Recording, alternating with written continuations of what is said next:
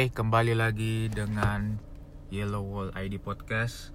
Eh, sesuai dengan janji saya di eh, episode perdana, perdana kemarin, saya akan membahas tentang salah kaprah eh, rivalitas antara Borussia Dortmund dan eh, Bayern Munchen. Eh, jadi eh, sebenarnya rivalitas antara uh, BVB dan Bayern atau kalau matchnya matchnya ya Der Klassiker itu bukan bukan El Clasico di Spanyol antara Real Madrid dan Barcelona atau uh, bukan juga Super Clasico di Argentina antara River Plate uh, atau Boca Juniors atau Outfront Derby uh, Celtics lawan Rangers atau MU dan Liverpool Fenerbahce Galatasaray atau Ajax dan Feyenoord Rotterdam.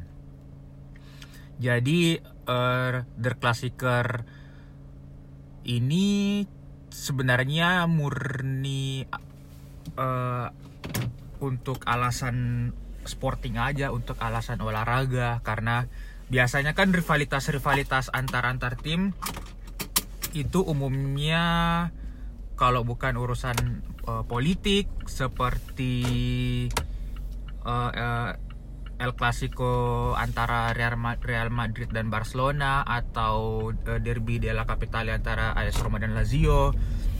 Uh, atau bisa juga karena isu agama seperti antara Protestan dan Katolik sih kalau saya nggak salah antara uh, Glasgow Rangers dan Glasgow Celtic. Kemudian ada juga masalah uh, sosial ketimpangan sosial antar uh, dua kubu seperti di Boca Juniors dan River Plate uh, atau di Ajax dan Feyenoord uh, perbeda apa uh, seperti persaingan kota antara Amsterdam dan Rotterdam. Kemudian atau masalah uh, ras seperti di Galatasaray dan di Fenerbahce. Jadi sekali lagi uh, rivalitas uh, antara BVB dan Bayern ini murni karena urusan olahraga saja. Istilahnya uh, dua tim Jerman yang paling ya bisa dikatakan yang paling sukses. Uh, bukan cuma sukses sih bukan cuma sukses sih cuma uh, yang stabil dan uh, sukses uh, prestasinya. Jadi uh, kalau uh, sukses karena mereka uh, juara di liga, juara pokal dan juga uh, juara di Liga Champion. Terus stabil uh, cuma kedua tim ini yang cenderung stabil di papan atas uh, Liga Jerman, Bundesliga. Karena meskipun ada juga tim-tim lain yang uh, pernah juara seperti uh, sebut saja macam uh, Werder Bremen, uh, Wolfsburg, kemudian Stuttgart, uh, ada juga Kaiserslautern, ada Köln, ada Hamburg. Nah kan bisa dilihat kalau sekarang uh, bahkan seperti Hamburg, Stuttgart uh, dan Kaiserslautern itu mereka tidak main di Bundesliga, mereka main di kasta ada yang main di Bundesliga 2, bahkan ada yang di Bundesliga 3 ya kalau nggak salah Kaiserslautern. Dan dan uh, kalau tim-tim seperti Werder Bremen dan Wolfsburg ya meskipun mereka pernah juara, tapi uh, mereka lumayan struggle untuk uh, bisa sustain di papan atas. Jadi mereka biasanya uh, cuma di papan tengah. Jadi yang yang yang sering apa ya yang uh, yang stabil di di papan atas ya selain Bayern ya cuma uh, Borussia Dortmund. Sebenarnya sih kalau kita ngulik-ngulik sejarah uh, sejak era Bundesliga tahun 60-an uh, Bayern itu adalah tim yang paling dominan di Bundesliga. Cuma uh, rival mereka itu tiap isti, uh, tiap dekade tiap 10 tahun itu biasanya ganti-ganti. Jadi uh, dari tahun 70-an itu saingan mereka ada Borussia Mönchengladbach. Kemudian tahun 80-an itu ada Hamburg. Nah, uh, kalau misalnya ada yang baca uh, baca komik uh, Kapten Subasa biasanya uh, kita lihat kan kalau Wakabayashi itu main di uh, Hamburg dan di ceritanya itu uh, Hamburg adalah uh, saingan terdekat dari FC Bayern. Kalau misalnya kita agak-agak kurang nge, biasanya kita berpikir lah, kok uh, Hamburg yang yang jadi saingannya Bayern bukan uh, Borussia Dortmund atau tim-tim lain ya memang karena uh, settingnya itu waktu uh, komik Subasa dibikin tahun 80-an dan memang saat itu saingan Bayern ya uh, Hamburg. Kemudian tahun 90-an itu sa saingan Bayern uh, ada Borussia Dortmund. Sa uh, karena Borussia Dortmund selain uh, juara liga juara, juara liga, terus mereka juga sukses uh, juara Liga Champion tahun 97 ke, uh, dan juga juara uh, Toyota Cup. Toyota Cup dulu namanya. Sekarang jadi internasional apa ya? Yang jelas juara dunia untuk antar klub lah. Kemudian 2000-an itu harusnya sebenarnya itu jatahnya Bayer Leverkusen untuk sebagai saingan uh, saingan Bayern. Cuma sayangnya pada tahun 2002 mereka menimpa nasib sial mereka menjadi treble untuk runner up di tiga tiga kompetisi yang mereka mereka ikuti di Bundesliga mereka disalip di match-match akhir sama BVB kemudian di pokal mereka di, kalah di final lawan Bayern kalau nggak salah. Dan yang terakhir mereka kalah di final Liga Champion lawan Real Madrid nah apalagi yang naasnya bagi mereka musim berikutnya pemain-pemain mereka itu udah mulai pindah ke Bayern seperti Michael Balak, terus ada si Roberto, ada Lucio, kemudian ada juga uh, asisten pelatih mereka sekarang Robert Kovac. Mereka pada pada pindah ke uh, ke Bayern. Jadi uh, dan oh ya dan 2010 sekali lagi uh, saingan mereka tetap tetap uh, BVB jadi ya sebenarnya yang yang yang istilahnya yang lumayan sustain untuk di papan atas untuk apa ya untuk menyaingi Bayern ya cuma Borussia Dortmund uh, dari dekade uh, di tiga dekade terakhir dari tahun 90-an, 2000-an, 2000-an uh, 2000 tahun 2000-an tahun 2002 uh, BVB sempat juara, kemudian di 2010-an uh, 2000 uh, sejak era uh, Klopp BVB juara dua kali berturut-turut plus mereka melawan Bayern di final Liga Champion.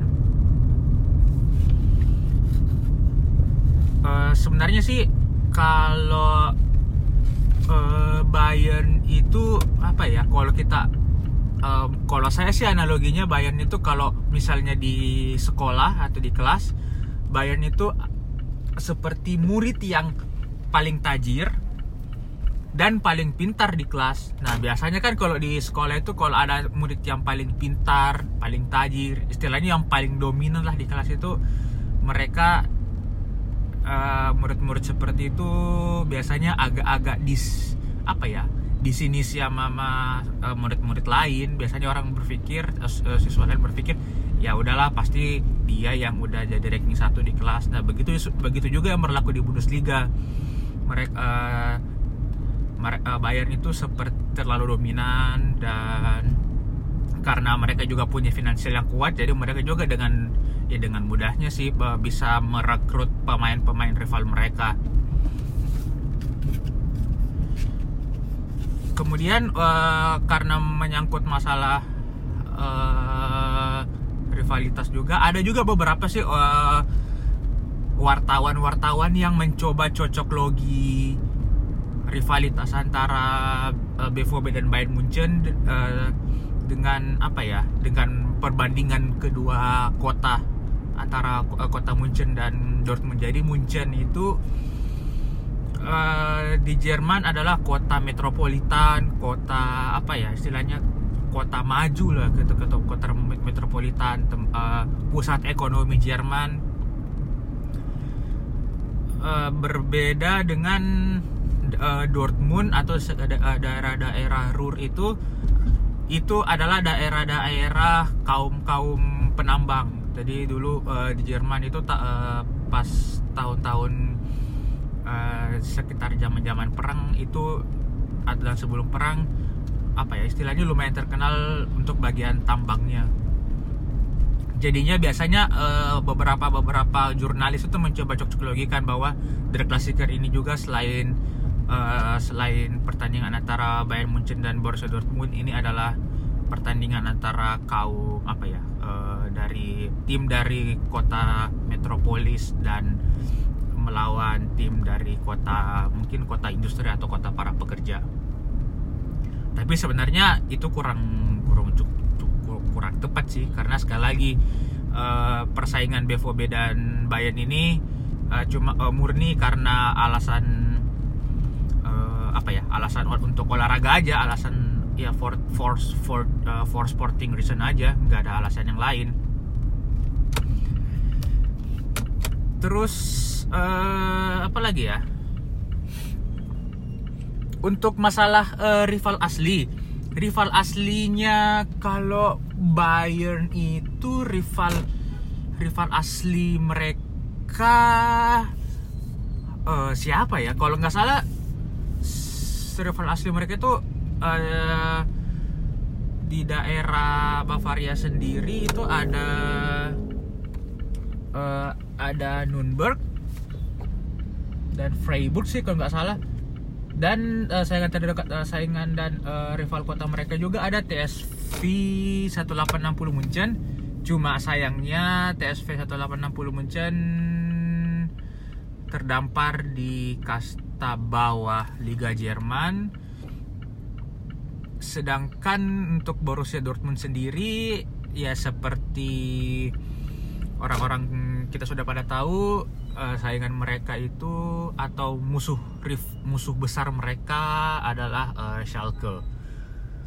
Bahkan dari uh, menurut 442 uh, rivalitas terbesar di sepak bola itu uh, rivalitas antara BVB dan Schalke itu masuk di 10 besar.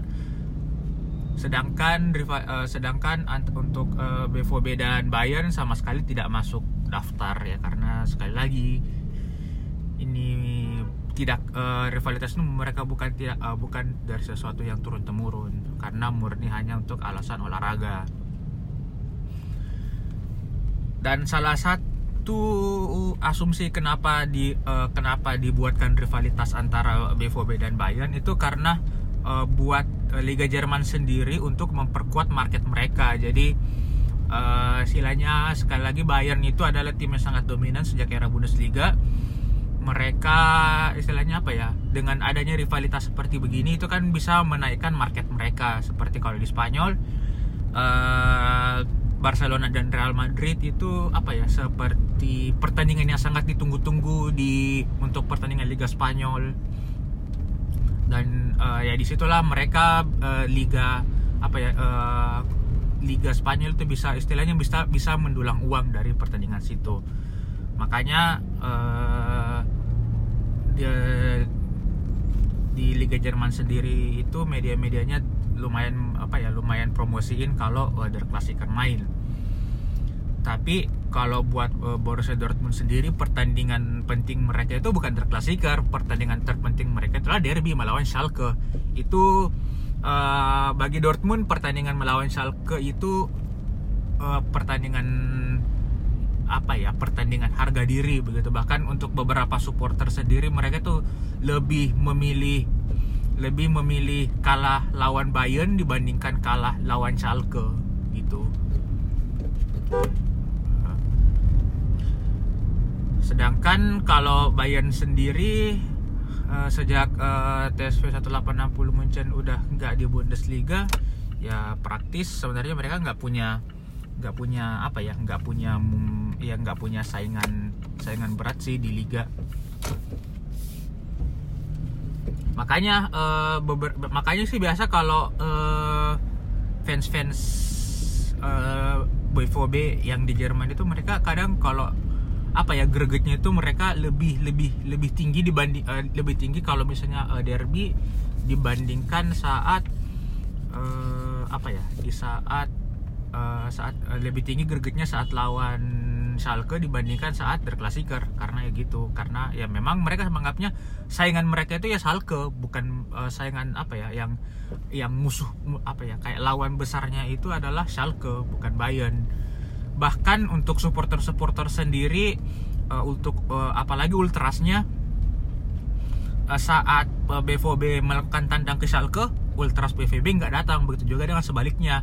Karena uh, alasan pertama menurut mereka itu uh, uh, apa ya haram untuk datang ke sana untuk datang ke kota lawan. Bahkan ada yang uh, tidak mau lewat sana. Jadi biasanya kalau ada yang mau ke Düsseldorf ya kalau nggak salah atau ke Köln ya mau berkunjung ke sana atau misalnya melakukan perjalanan dan harus lewat Dortmund atau uh, Gelsenkirchen mereka nggak mereka ngambil jalan jalan jalan lain. Mereka nggak mau lewat kota rival mereka. Alasan yang kedua adalah kenapa ultras masing-masing supporter itu tidak datang berkunjung ke stadion lawan? Karena saat mereka membeli tiket eh, saat mereka datang artinya mereka membeli tiket uh, stadion dan dengan membeli tiket stadion artinya mereka menyumbangkan uang untuk uh, tim rival uh, tim uh, jadi misalnya uh, sub ultras BVB nggak datang kalau misalnya mereka beli tiket uh, tandang melawan Schalke artinya secara tidak langsung mereka menyumbangkan uang untuk Schalke dong. Nah makanya mereka tuh nggak mau datang justru sebaliknya. Dan hal ini tuh berlangsung secara turun temurun apalagi juga sempat uh, ada apa ya ada konflik-konflik di stadion juga meskipun nggak nggak eh, nggak parah-parah amat atau nggak nggak sebesar-besar amat. Uh, jadi untuk uh, kembali lagi ke rivalitas uh, Bayern dan BVB uh, nah sekali lagi uh, uh, alasan BVB itu karena BVB ada uh, dipilih istilahnya dipilih menjadi saingan uh, menjadi apa ya menjadi saingan dari Bayern itu karena cuma BVB yang lumayan uh, stabil untuk uh, prestasi lokal dan uh, Eropanya. Meskipun uh, di Jerman itu ada tiga tim yang pernah menjadi juara Liga Champion. Yang pertama itu Hamburg uh, kemudian Bayern dan BVB cuma ya Hamburg setelah era tahun 80-an itu masuk di era 90-an prestasinya mereka cenderung menurun. Bahkan uh, musim dua musim lalu mereka terdegradasi dan musim lalu itu mereka gagal untuk kembali ke Bundesliga. Jadi ya uh, apa ya sayang juga sih tim-tim uh, tim sebesar Hamburg itu mereka tidak bisa sustain di Bundesliga.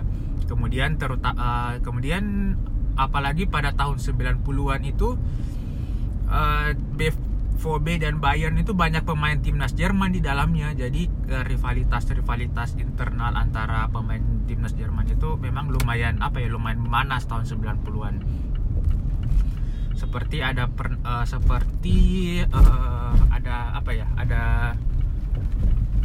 seperti ada per, uh, ada konflik antara Lothar Matthäus dan Andreas Müller kemudian uh, yang kemudian saya itu yang sempat cukup panas juga uh, tahun 2002 pas Piala Dunia uh, persaingan untuk memperebutkan kiper timnas antara Oliver Kahn dan Jens Lehmann itu itu adalah uh, apa ya?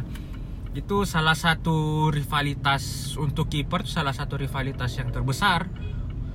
Uh, jadi ada dua pemain yang punya kualitas yang bagus yang ke kelas dunia dan memperebutkan untuk menjadi kiper timnas utama Jerman. Meskipun pada akhirnya yang dipilih itu uh, Oliver Kahn bahkan si bahkan si uh, Jens Lehmann pun itu nggak kepilih nggak main sama sekali. Nggak main sama sekali selama Piala Dunia. Uh, kemudian uh, persaingan mereka juga memanas pada saat memasuki uh, final Liga Champion. Jadi ada Der Klassiker. Untuk pertama kali um, uh, di di final Liga Champion dan di situ uh, uh, mencapai apa ya mencapai puncak-puncak puncak-puncak perhatiannya begitu menarik perhatian dunia. Karena ya nggak ada yang duga tim-tim uh, uh, tim dari Bundesliga bisa ber, uh, sama-sama bertanding di final Liga Champion. Karena kan selama ini yang digadang-gadang uh, yang biasanya apa ya yang biasanya menjadi uh, final antar negara itu kan uh, Juventus dan AC Milan terus sempat juga uh, Juventus AC Milan terus sempat juga Chelsea dengan uh, Manchester United. Sayangnya sih Barcelona dan Real Madrid belum pernah main main bareng ya lawan ketemu di final Liga Champions Nah, sejak uh, final Liga Champions 2013 itu sudah apa ya uh, istilahnya der klassiker tuh udah udah udah mulai digoreng-goreng lah sama media-media uh, bukan cuma manajemen tapi media-media yang general yang yang selama yang biasanya jarang-jarang apa ya jarang-jarang ngeliput uh, Bundesliga. Terutama sejak pindahnya Mario Götze kemudian uh, Lewandowski kemudian Matt Hummels. Itu seperti apa ya? Itu seperti uh, menambah bahan menambah bahan untuk uh, memanaskan situasi. Itu sep seperti orang-orang itu seperti menganggap kepindahan Maria Götze, Lewandowski atau Matt Hummels ke ke dari Bayan dari, dari Bayern ke BVB itu mereka menganggap seperti uh, Luis Figo dari Barcelona ke Real Madrid. Padahal statusnya sih beda dari dari rivalitas saja beda begitu meskipun ya tetap aja uh, fans fans BVB juga tetap sakit hati dengan kepindahan mereka. Um,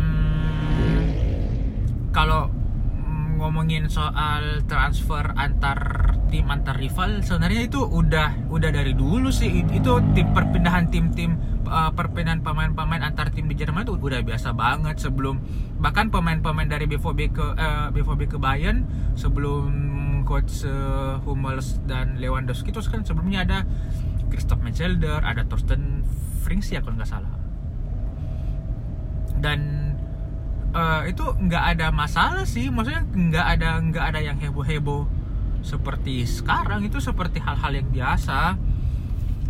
Bahkan yang lebih yang lebih yang lebih sebenarnya yang yang lebih yang lebih sakit itu Bayer Leverkusen saat uh, Michael Ballack, uh, Zé Roberto, kemudian Lucio pindah ke itu ke ke Bayern dari Leverkusen ke Bayern. Karena waktu itu Bayer Leverkusen ya istilahnya uh, kuat-kuatnya terus uh, mereka harus pindah ke tim sebelah tim saingan mereka uh, Bayern Munchen. Dan setelah itu ya praktis prestasi Bayer Leverkusen memang turun turun ya lumayan turun drastis.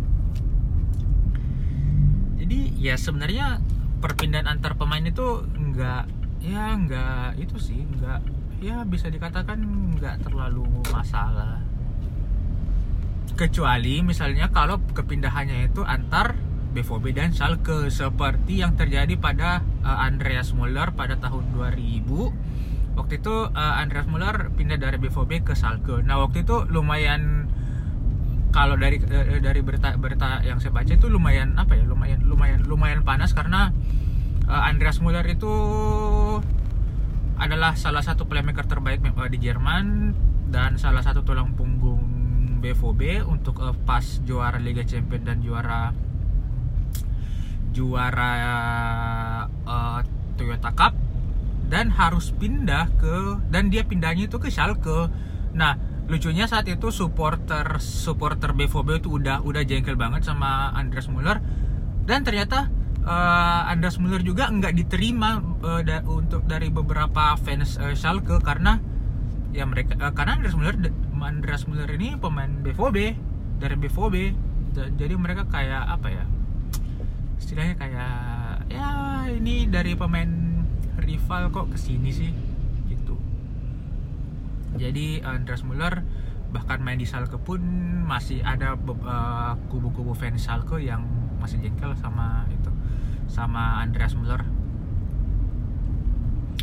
Jens Lehmann pun juga ya Jens Lehmann sih untungnya dia eh, ada ada ada di antaranya. Jadi dia sempat di AC Milan dulu sebelum pindah dari eh, Schalke ke BVB.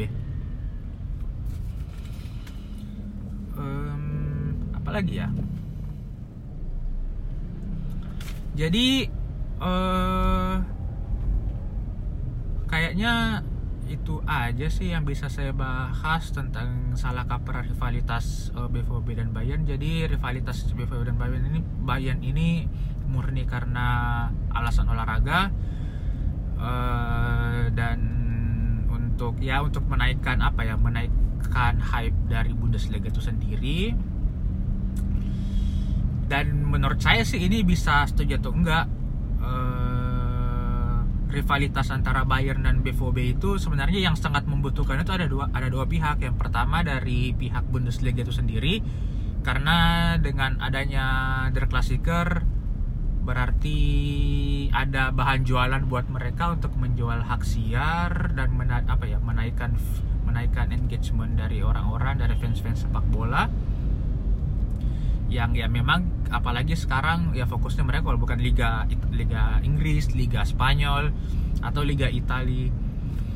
Kemudian yang sangat membutuhkan Der Klassiker ini ya sorry itu saya menurut saya Bayern Bayern ini sangat but Bayern ini sangat butuh uh, rivalitas dengan BVB dengan pertandingan Der karena Bayern ini kalau nggak ada saingan saingan terdekatnya sih mereka bakal karena mereka ini terlalu kuat jadinya mereka bakalan terlalu super power di Bundesliga.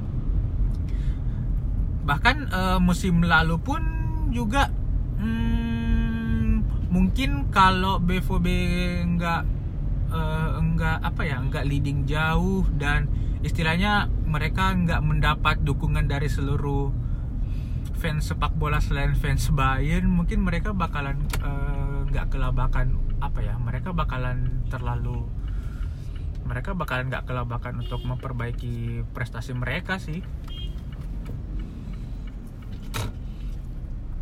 Eh ya gitu karena Bayern itu nggak punya saingan terdekat di Bayern itu nggak punya saingan terdekat di Bundesliga. Ya saingan terdekat mereka cuma uh, Borussia Dortmund aja BVB aja. Selebihnya nggak ada. Sedangkan kalau BVB tanpa Der Klassiker pun sebenarnya mereka ya punya saingan. Mereka punya istilahnya mereka itu punya rival besar. Mereka punya Schalke bahkan eh, sampai apa ya bahkan waktu musim lalu itu sebelum der, eh, derby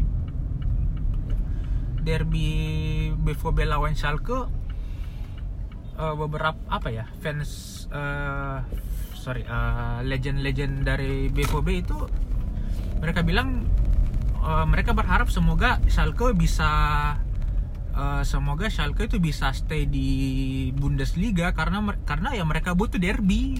Mereka ya kalau nggak ada nggak ada Schalke ya mereka nggak mereka nggak bisa ngapa-ngapain. Mereka nggak punya istilahnya mereka itu nggak punya lawan berat. Mereka nggak punya rival kalau nggak ada Schalke. Jadi ya sebenarnya BVB lebih butuh Schalke sih dibanding Bayern. Cuma ya kalau ada Bayern artinya engagement or engagement fans-fans sepak bola bakal meningkat dan eh, apa ya dan eh, otomatis otomatis eh, fans-fans dan ya sekali lagi dengan hak siar yang tinggi BVB juga bisa dapat uang banyak dengan hak apa dengan engagement orang-orang. Em, apalagi ya? Itu aja sih kayaknya yang saya bisa ups udah sampai juga. Oke eh, kayaknya sih itu aja yang bisa saya paparkan. Eh, ya karena ini masih episode episode awal jadi ya mohon maaf agak berantakan karena sekali lagi saya bawanya sementara nyetir. Jadinya kadang agak-agak lost fokus meskipun saya udah uh, bikin konsepnya sih. Uh, terus untuk episode selanjutnya karena musim juga masih ada sekitaran sekarang masih awal bulan Juli ya masih ada sebulanan lagi jadi mungkin episode berikutnya saya, saya bakalan bahas tentang transfer Borussia Dortmund eh, transfer masuk transfer keluar dan status-status pemain BVB yang kontraknya bakalan mau habis dan ya gosip-gosip seputaran BVB lah. Oke. Okay? uh, itu aja untuk saat ini saya mau kerja dulu oke okay? see ya.